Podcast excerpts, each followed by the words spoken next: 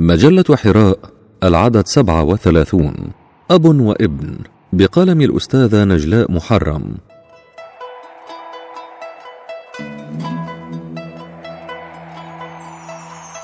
نقض المعاهدون معاهداتهم وتمرد الخاضعون. رأى الصبي السلطان دولته يتنازعها أعداؤها وتنهشها ذئاب الطمع.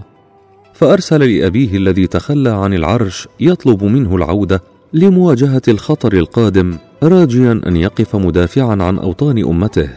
إلا أن الأب الزاهد أرسل لولده رسالة يقول فيها الدفاع عن الأوطان من واجبات السلطان عندها كتب السلطان محمد الثاني البالغ من العمر إحدى عشرة سنة رسالة وجيزة قائلا فيها إن كنت أنت السلطان فعد واجلس على عرشك وقد جيشك ولكن إن كنت أنا السلطان فآمرك أن تعود وتجلس على عرشك وتقود جيشك.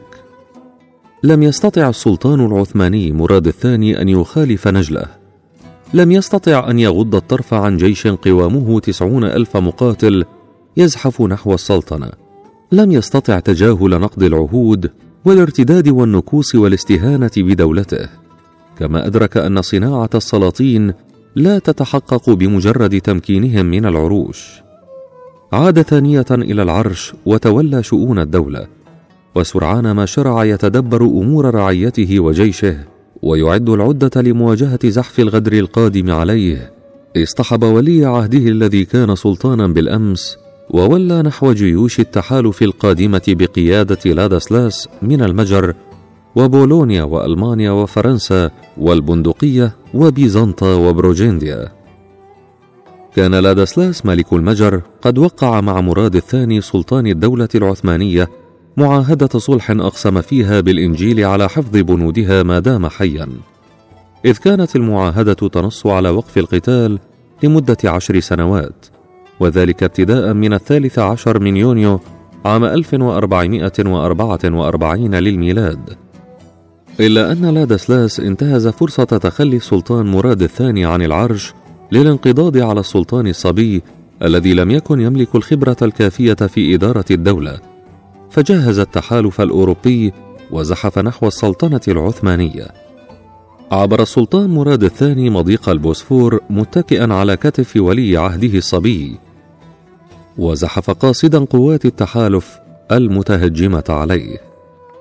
وصل فارنا ليلة السابع والعشرين من رجب سنة ثمانمائة وثمان وأربعين للهجرة واندلعت في اليوم التالي معركة ضارية حرص السلطان مراد الثاني على أن يرفع خلالها وثيقة المعاهدة التي وقعها مع ملك المجر لادسلاس على سن رمح.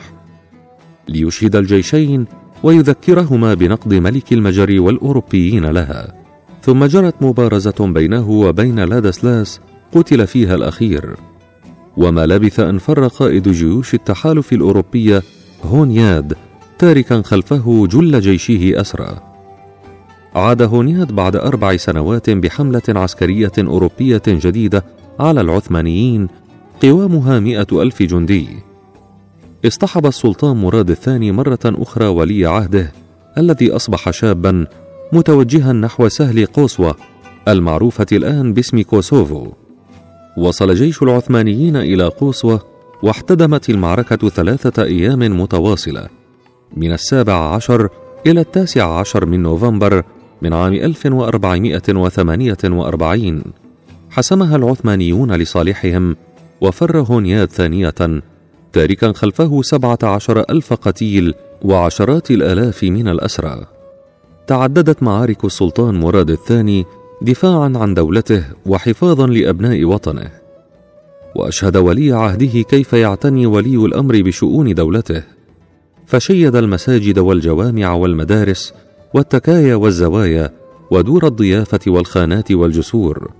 ومهد الطرقات وأعد الجيوش وأرسل السفارات والرسل للممالك والإمارات المجاورة. علمه كيف يعدل بين رعيته ليضمن ولاء الجميع على تعدد مشاربهم وعقائدهم. علمه كيف يفي بعهوده وكيف ينتقم ممن يخونون عهده. علمه كيف يجنح للسلم ولا يتردد في الحرب ما دامت لصالح دولته وأمته.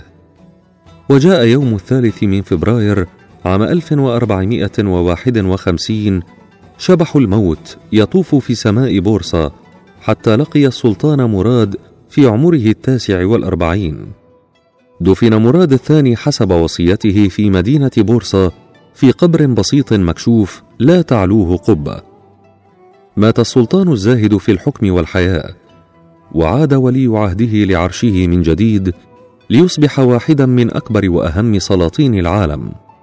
ومن ذا الذي يستطيع أن يربي ولدا غير مراد الثاني كمحمد الفاتح الذي فتح القسطنطينية إسطنبول بإذن ربه. ونال بشرى رسول الله صلى الله عليه وسلم بعد وفاة أبيه بعامين.